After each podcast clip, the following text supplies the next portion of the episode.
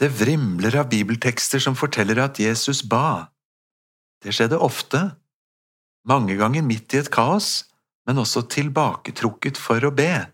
Det står understreket flere gangene at han søkte til stillheten. Og Jesus underviste disiplene om bønn, ikke minst da han ga dem mønsterbønnen Fader vår. Og likevel, hvis du leser Fader vår litt nøye, så er det ikke spesielt noen direkte forbønn for medmennesker akkurat i den bønnen. Særlig direkte syns jeg at Jesu bønn i Getsemane på skjærtorsdag blir gjenfortalt. Det er nesten som vi får være til stede i den fortettede stemningen. Men den bønnen ved Getsemane er naturlig nok mest en bønn som Jesus ba for seg selv. Det var bare timer før den siste store kampen. Men Jesus ville ha disiplene med seg inn i den bønnekampen, altså inn i en slags forbønn, både for seg selv og for Jesus, vil jeg tro. Like før dette, da Jesus innstiftet nattverden, får vi høre at Jesus hadde gjort forbønn helt spesielt for Peter. Det står i Lukas 22.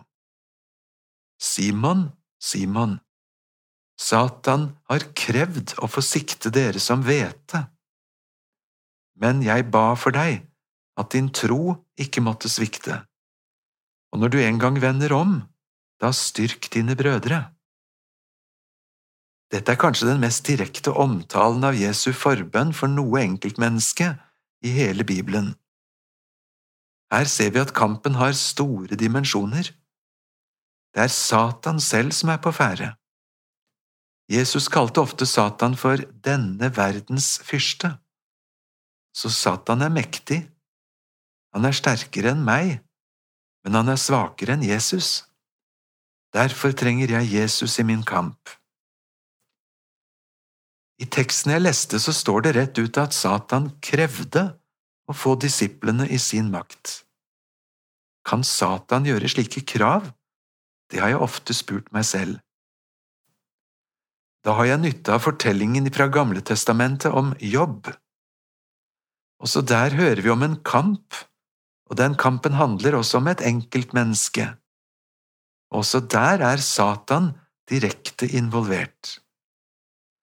Men det som på en måte er så fint i fortellingen i Jobbs bok kapittel 1 og 2, er at vi får se så veldig tydelig at Satan får ikke gjøre noe som helst med jobb uten at Gud har satt rammene og Gud har satt grensene for hva som skal skje.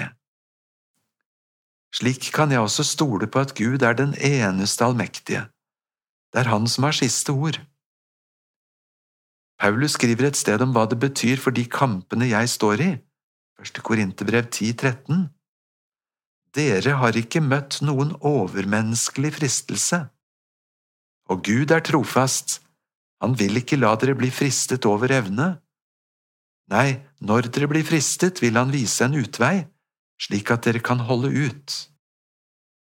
Tilbake til Jesus og Peter på skjærtorsdagskvelden. Det står ikke direkte at Jesus ba om at Peter ikke måtte fornekte ham. Det er kanskje litt overraskende. Fokuset i Jesu bønn er heller på hva som skal skje i etterkant. Jesus ba om at din tro ikke måtte svikte, ikke forsvinne. Også vi gjør rett i å be særlig mye for noen som har sviktet, i store eller små kamper de har kjempet. Det fins et fint visdomsord om dette. Elsk meg mest når jeg fortjener det minst, for da trenger jeg det mest.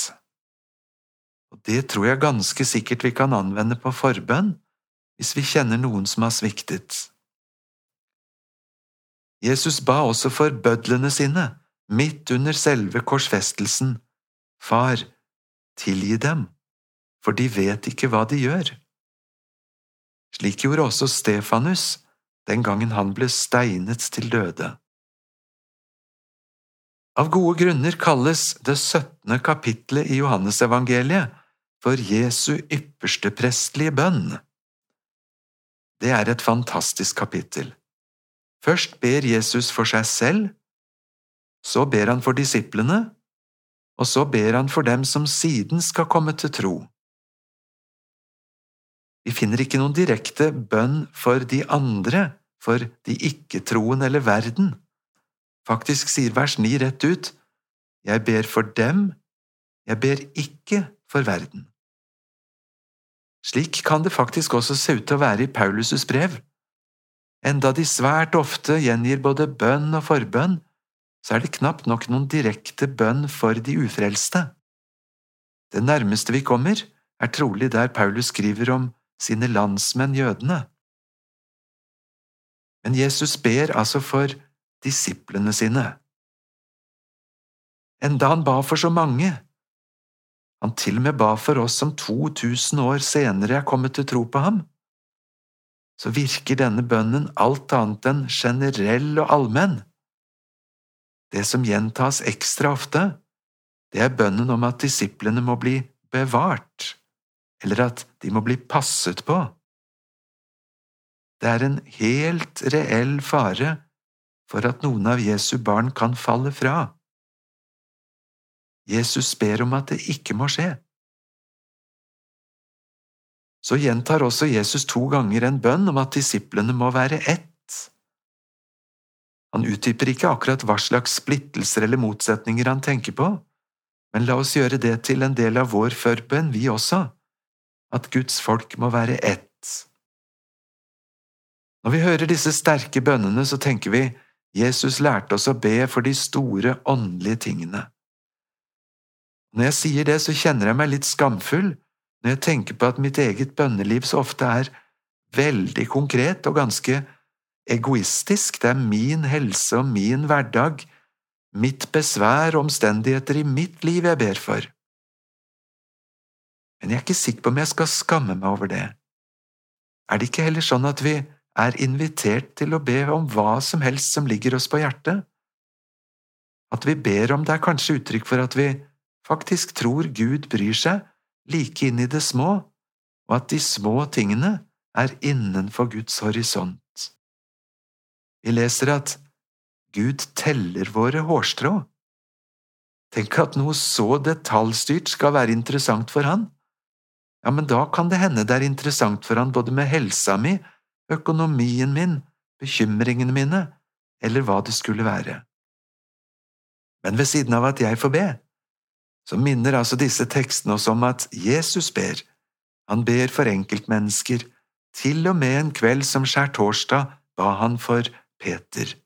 Og slik tror jeg han ber for meg òg, hver dag, helt konkret, for det står at Jesus alltid lever for å gå i forbønn for oss. Sverre Bø var anholdsholder i Overnatten bibel i dag. Serien produseres av Norea Mediemisjon og du kan lytte til vårt arkiv av andakter på norea.no.